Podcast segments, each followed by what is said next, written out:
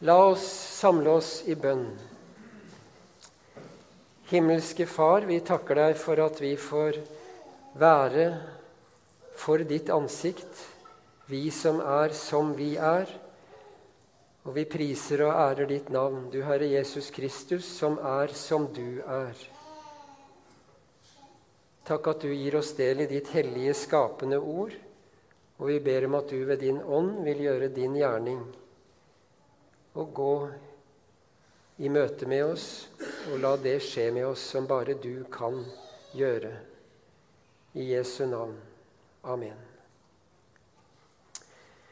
Det hellige evangelium som vi leser nå på allehelgensdag, står hos evangelisten Lukas i kapittel 6 og vers 20. Og vi reiser oss. Da løftet Jesus blikket, så på disiplene og sa.: Salige er dere fattige, Guds rike er deres. Salige er dere som nå sulter, dere skal mettes. Salige er dere som nå gråter, dere skal le. Salige er dere når folk hater dere, når de utstøtter dere og håner dere og skyr navnet deres som noe ondt for menneskesønnens skyld. Gled dere på den dagen og hopp av fryd. Stor er lønnen dere har i himmelen. Slik gjorde også fedrene med profetene. Men ved dere rike, dere har alt fått deres trøst. Ved dere som nå er mette, dere skal sulte. Ved dere som nå ler, dere skal sørge og gråte. Ved dere når alle taler vel om dere. Det samme gjorde også fedrene med de falske profetene. Hellige Far, ditt ord er sannhet. Hellige du oss i sannheten. Amen.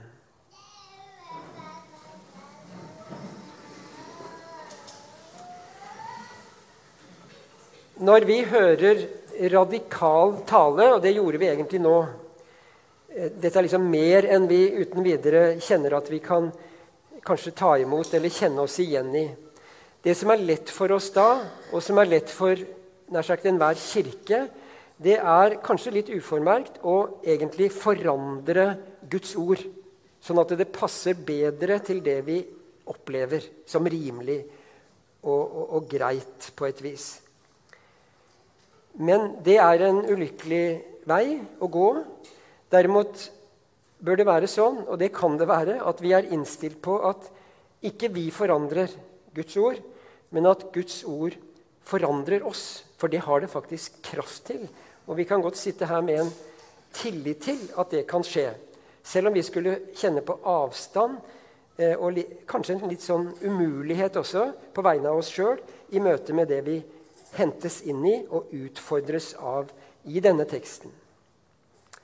I bergprekenen, som ligner denne teksten, som kalles Jesu slettepreken, så er situasjonen den, altså i bergprekenen, at Jesus først satte seg. Det er veldig viktig å legge merke til.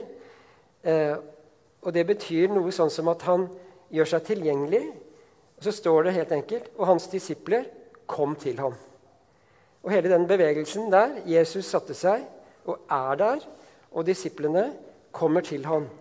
I den situasjonen så kan Jesus snakke så å si radikalt, fordi han er hos dem. Noe lignende i denne teksten vi leste. Da står det, står det rett og slett at han løftet sine øyne, og så og ikke veldig langt opp, sannsynligvis, men fra et eller annet dypere ned. Og så fester han sitt blikk på disiplene. Og det er egentlig akkurat det samme. Han går inn i en kontakt, han gir dem en opplevelse av at nå er det et vi. Det er jeg og dere, det er dere og jeg. Og i den sammenhengen så er det noe som er en virkelighet som gjør at Jesus kan tale eh, det vi kaller litt radikalt med oss eh, om livet og hvordan ting egentlig henger sammen. Vi kan ha opplevd, noen hver av oss, noe sånt som at han så ikke på meg engang. Han bare slang det ut idet han gikk. Og så har vi sittet igjen med et eller annet vondt i vårt indre av et eller annet menneske som bare slang ut et eller annet som ikke ble godt i det hele tatt. Um, et menneske jeg hørte en gang, sa noe om faren sin, som var så veldig innsiktsfull og skjønte veldig mye og så inn i så veldig mye i tilværelsen og var veldig opptatt av det. Og så sa han, 'Men han så jo ikke meg', sa han. Og ga nok uttrykk for en eller annen smerte som dro seg gjennom hans, også hans voksne liv. Hvordan våre liv, våre oppturer og nedturer i livet, er så preget av om vi ble sett og ble tatt inn og fikk oppleve at vi, vi, vi hørte til av noen som elsket oss, eller om vi ikke gjorde det. Om vi var ønsket eller kjente oss utrygge på det. Og veldig mange som har Alle har vi noe av det i oss.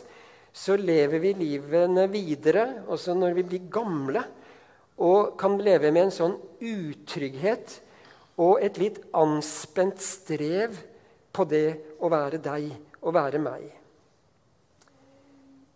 Og her er det sannsynligvis sånne mennesker som er rundt Jesus, men som har fått det i seg at vi vil være der han er.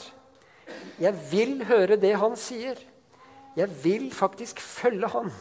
Det hadde de menneskene fått som ellers manglet veldig mye i sitt liv.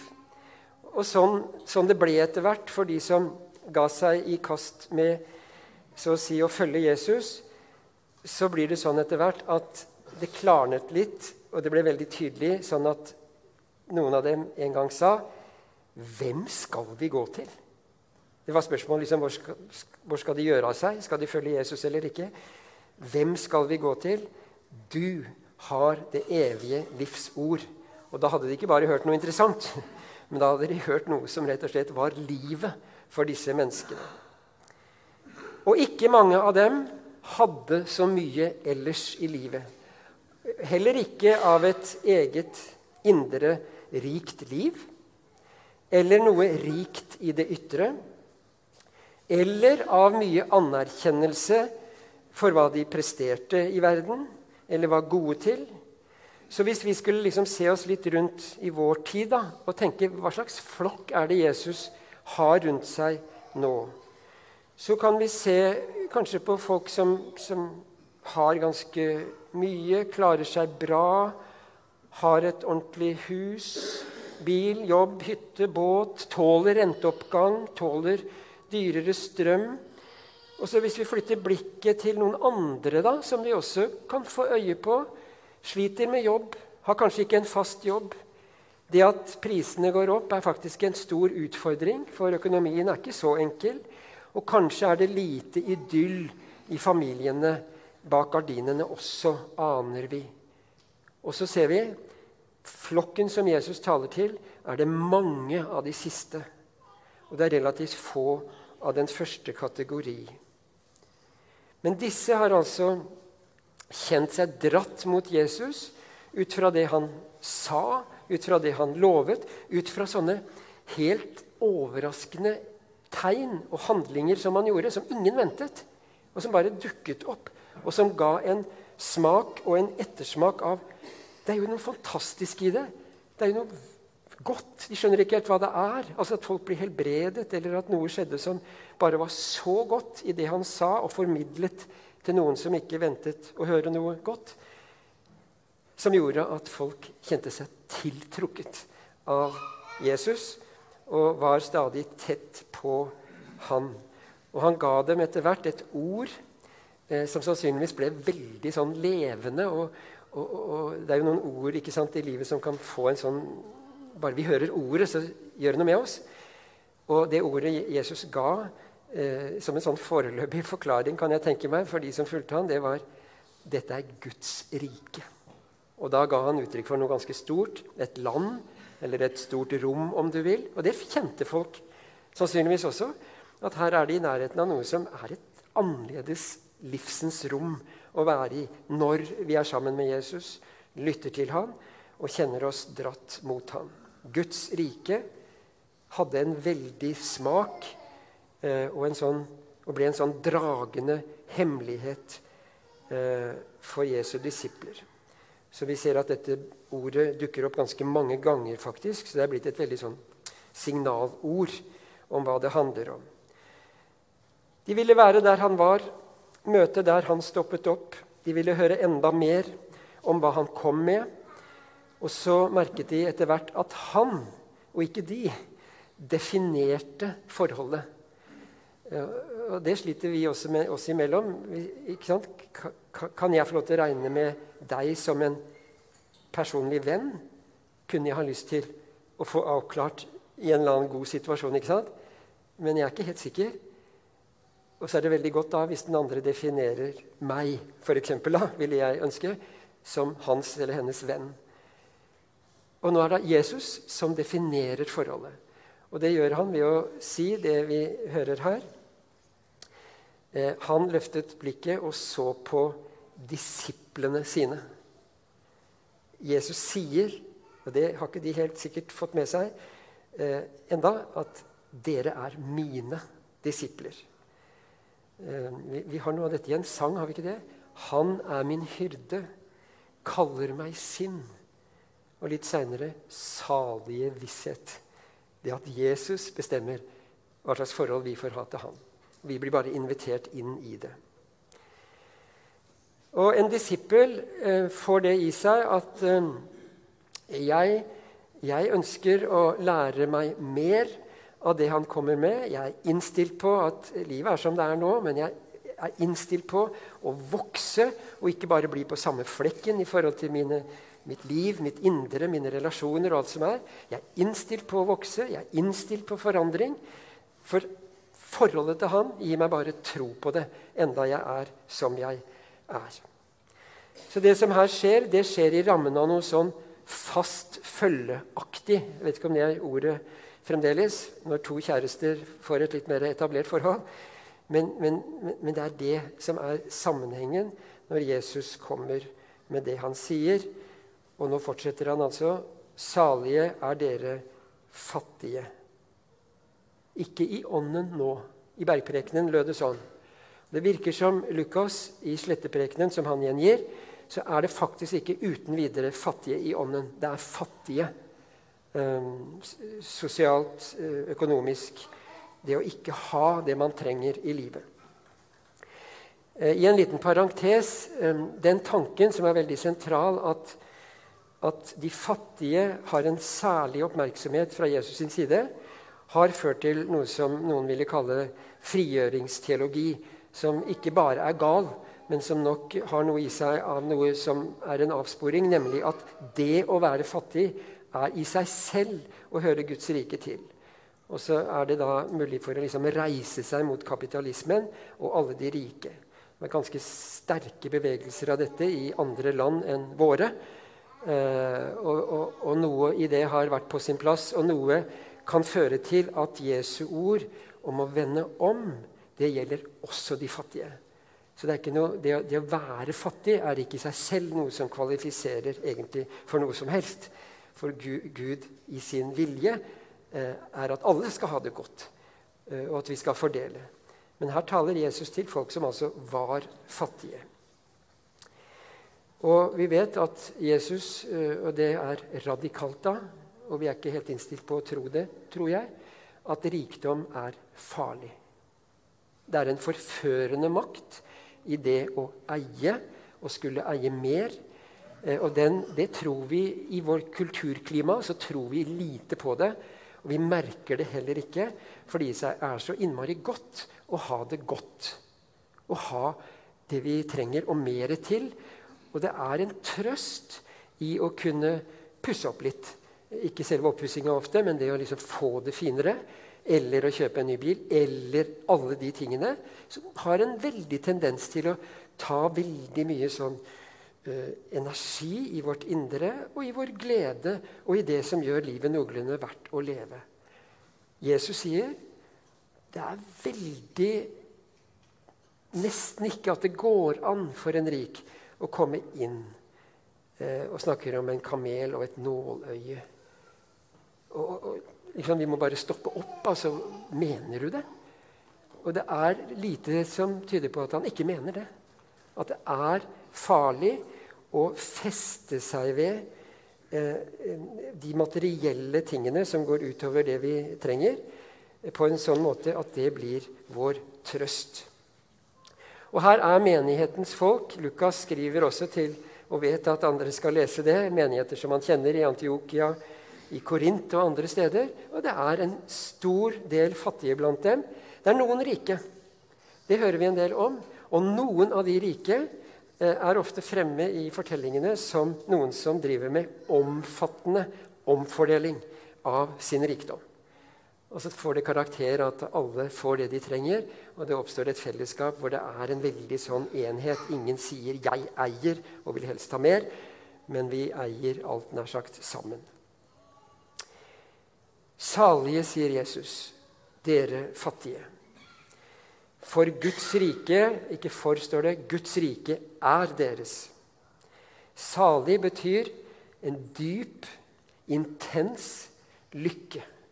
Det å være velsignet Vi kan lett tenke at det må være også en dyp, intens lykkefølelse. Det kan det virkelig være. Men det kan også være litt uavhengig av følelser som går litt opp og ned. Jesus snakker om en tilstand som hans venner Mange av dem er fattige eh, på det meste. Eh, dere er salige.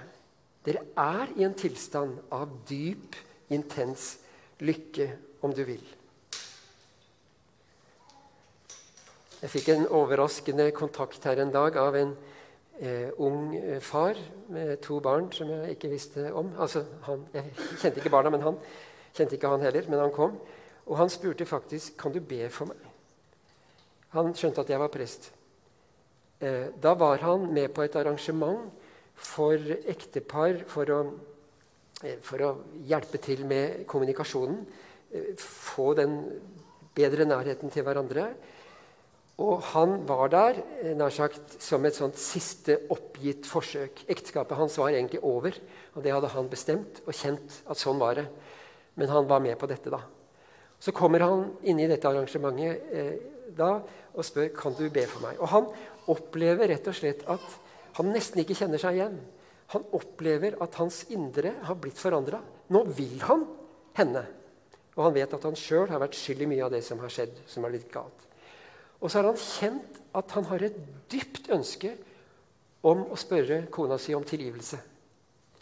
Og han bare, men han var litt, nesten litt forvirra, ikke sånn mentalt. Men han, han, kjente seg ikke helt igjen og lurte rett og slett på om jeg kunne be om at han kunne bli bevart i dette han hadde tatt imot av en sånn ny start eh, på livet i forhold til sin kone.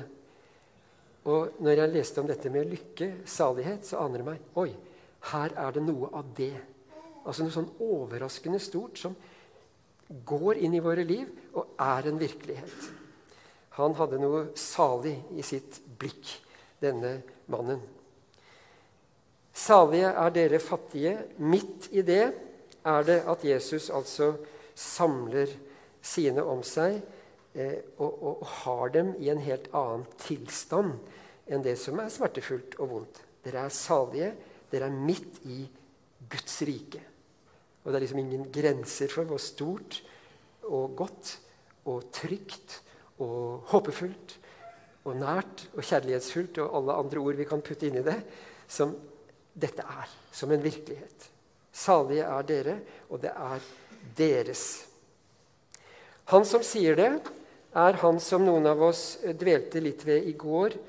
Eh, hvem er Jesus Kristus? Og det er liksom ikke grenser for hvor stort det han er, rommer. Eh, og han som snakker, har altså en sånn tyngde i det han sier til oss. Det er en godhet i det, det er en ekthet i det. Og han sier det like gjerne til deg, som vet du er fattig og hjelpeløs og ikke har det du trenger i forhold til Gud, og som kanskje også oppdager at du har gjort ganske mye avgudisk i ditt liv i forhold til denne verdens rikdom, men kjenner at du er fattig og hjelpeløs det er til deg han sier det, og, og bekrefter deg og befester deg Du er midt i Guds rike, du som er vendt mot Han, åpen for Han. Guds rike tilhører dere. Om du nå sulter Kanskje Vi sulter jo, de fleste av oss, ikke så mye rent sånn eh, kroppslig. Eh, men sult kan være mer enn det. Sulter etter en løsning på noe som er for vanskelig. Sulter etter å komme ut av en smerte. Sånn eller slik. Kanskje gråter du mye for deg sjøl. Står i tunge ting som du skulle så gjerne vært ute av. Jesus sier du skal mettes. Du skal snart oppleve at latteren er tilbake i livet ditt. Står det? Hoppe av fryd, sier Jesus og bruker et enormt sterkt ord. Barn som av ellevill glede bare er fullstendig til stede i lykken og tilfredsheten. Den er din. Den kommer. Du kan regne med Du bør ikke være så redd. Ikke sant? For det kommer snart, det som er det helt motsatte av det du nå kjenner. Se for deg et menneske som bærer tristheten i seg. Det røpes ofte i våre ansikter, det, selv om vi prøver å skjule det. Se for deg et veldig trist ansikt, som du vet kjenner fra før. Men nå er det trist, og det er litt sloknet. Og når det sprekker opp, og smilet og latteren og gleden er tilbake. Sånn sier Jesus. Salige er dere, for når dere opplever dette, så skal det snart skje. Dere er midt i gleden. Gjennom det, underforstått, det som er Guds rike, og som er meg og dere, dere og meg. Bare vent. Og Blant jødene som han snakket til nå, da, så var jo dette kjent, som vi hørte fra Jesaja, eh, hvor Jesaja snakker om menneskers erfaring med lyset og sola. Det er forresten ganske fint vær i dag eh, som, som, gjør det ganske vakkert. Og vi blir jo berørt av godt vær og av sola. Og det blir veldig frustrerende når vi er i mørket og ikke kan slå på et lys. Ikke sant? Vi får ikke gjort noen ting. Sånn at lyset er jo noe veldig stort i våre liv på mange vis. Og, og sånn har det alltid vært. Og her snakker Jesaja om en sol som aldri skal gå ned. Og selve solen er Herren. Som et veldig bilde for noe vi kjenner erfaringen av, nemlig lyset og solen, og som Herren da skal være. Herren er ditt lys for evig. Og Her er det også noe som ikke bare folk i Ukraina ville skjønne seg på. Ingen skal høre mer om herjinger og ødeleggelse og vold innenfor dine grenser, sier Jesus til sin flokk. Og tar, altså Det er Jesaja som sier det nå, da. Eh, og så tar Jesaja det videre om om murene i dette trygge rommet, Guds rike nå, med Jesus og oss. Eh, selve murene er Det som beskytter oss, det er frelse. Det er den derre kraften, egenskapen Jesus har til å berge, løfte, ta vare på oss. Dette altså i kontrast til den siste delen av Jesu slettepreken, eh, hvor han sier det helt motsatte som er blitt kalt et rop. Jeg vet ikke om han ropte det.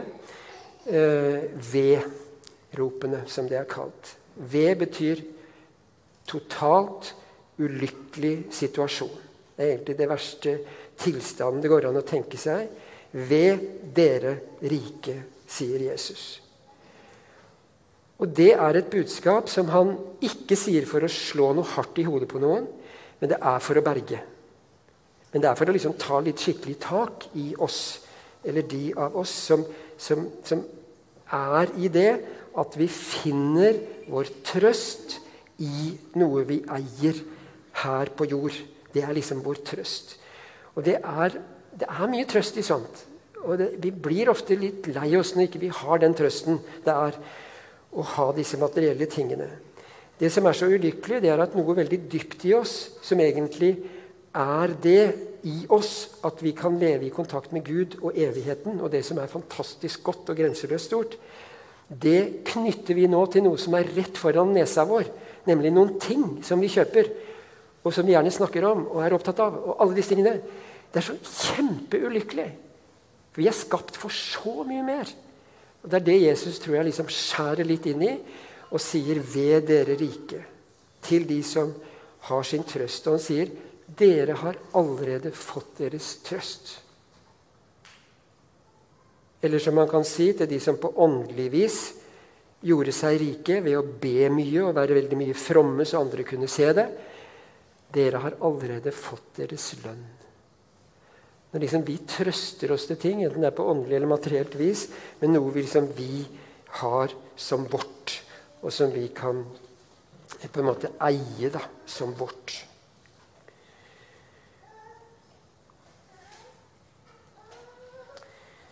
Ved eh, Nei, så er vi tilbake eh, Når folk hater dere, sier Jesus på motsatt vis da, eh, til disiplene, utstøter dere, håner dere,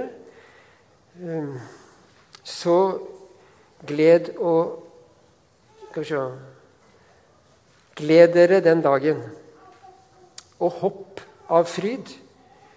Stor er lønnen dere har i himmelen kan han si til de som opplever seg utstøtt og blir hånet. Vi lever i en tid nå hvor det er lett å bli sjaltet ut som et interessant menneske på jobben, f.eks. Hvis du fronter noen synspunkter som ikke matcher det som er vanlig tanke om hva som er det gode liv i frihet i dag. F.eks. dette nye paradigmet, som det heter. Noe, noe veldig sånn grunnleggende i vår tenkning. Eh, det, er uttrykk for et paradigme som, som er basert på kulturen og, og, og, reaksjoner og tenkemåter. Nå endres et paradigme om hva et menneske er. Til nå i historien har det alltid vært knyttet til at en eller annen utenfor oss selv bestemmer hvem vi er, vi mennesker. Eh, mann, kvinne og verdien av oss. Og, og, og, og, sånn Det er en vilje utenfor oss selv, enten det er i kristendommen eller ikke. faktisk, Så er det det religiøse mennesket som har liksom definert hva et menneske er, stort sett i historien. Nå ser det ut som det er eh, annerledes. Det som bestemmer et menneske nå, hvem det er, identiteten vi har Føl deg fram til det. Barn i barnehagen, ikke vær for sikker på hvem du er, gutt eller jente. Nå skal vi legge til rette og vi skal ha masse ressurser på det, til at folk skal finne ut hvem identitet de egentlig bærer. Den bestemmes nedenifra og innenifra. Og det er en enorm revolusjon i måten å tenke om hva et menneske er på. Og vi kan, opplever vi også, mer av at hvis vi, eh, hva skal vi si, er i det som er Guds vilje med oss, og det som Gud bestemmer hva et menneske er, at vi kan oppleve at folk støter oss ut. Det er faktisk fanget opp eh, i, i, den verslige sammenheng også, dette fenomenet at hvis du mener noe som ikke passer inn, så støtes du ut. Cancel heter det på engelsk. Kanselleringskultur. Eh, det er verdt å merke seg det, faktisk, fordi det er en trend i dette.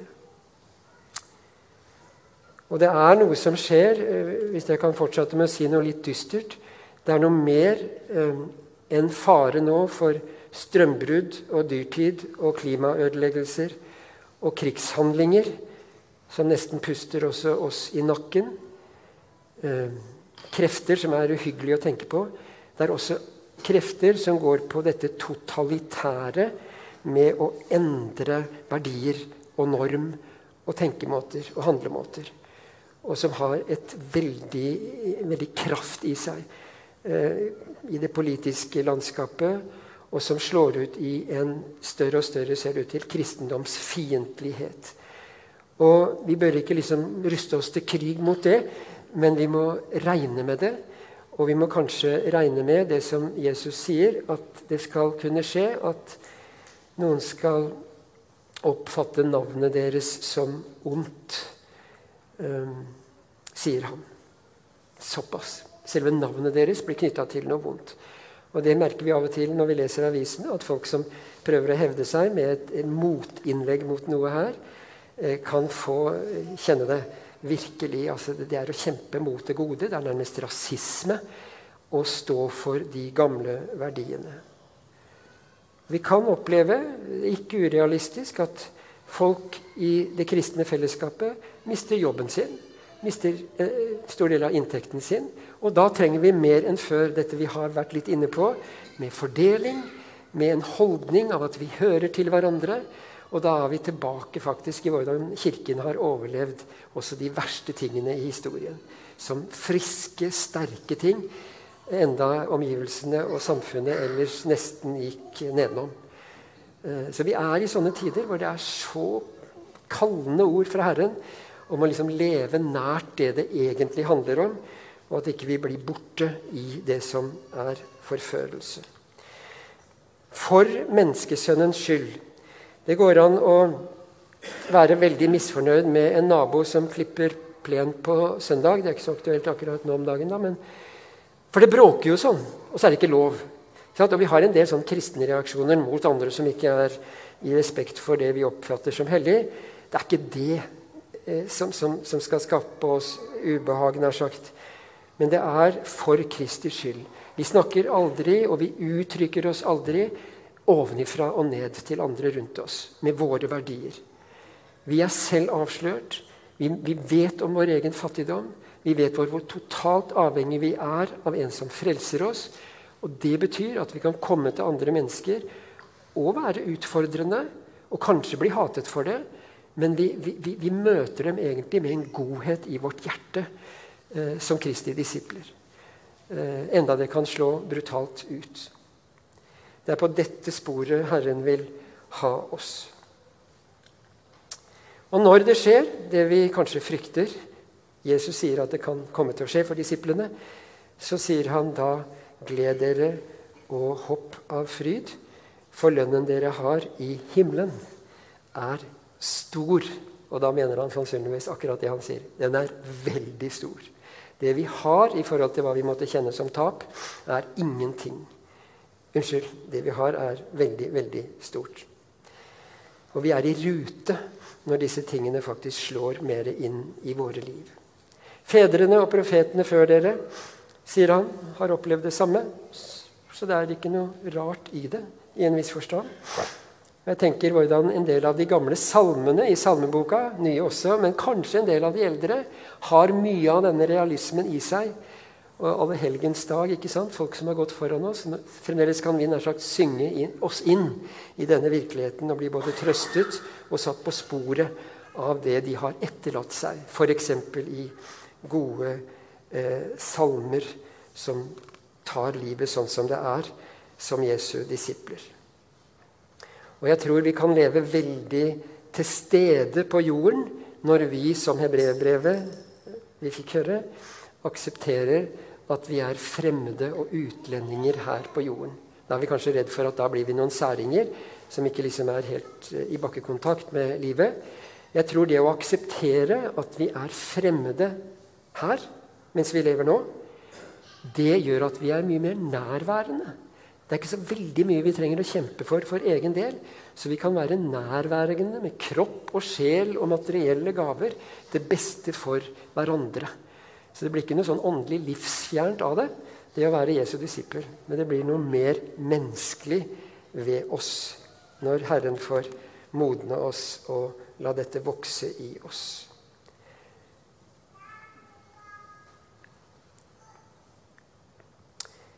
Hans disipler Jeg skal slutte.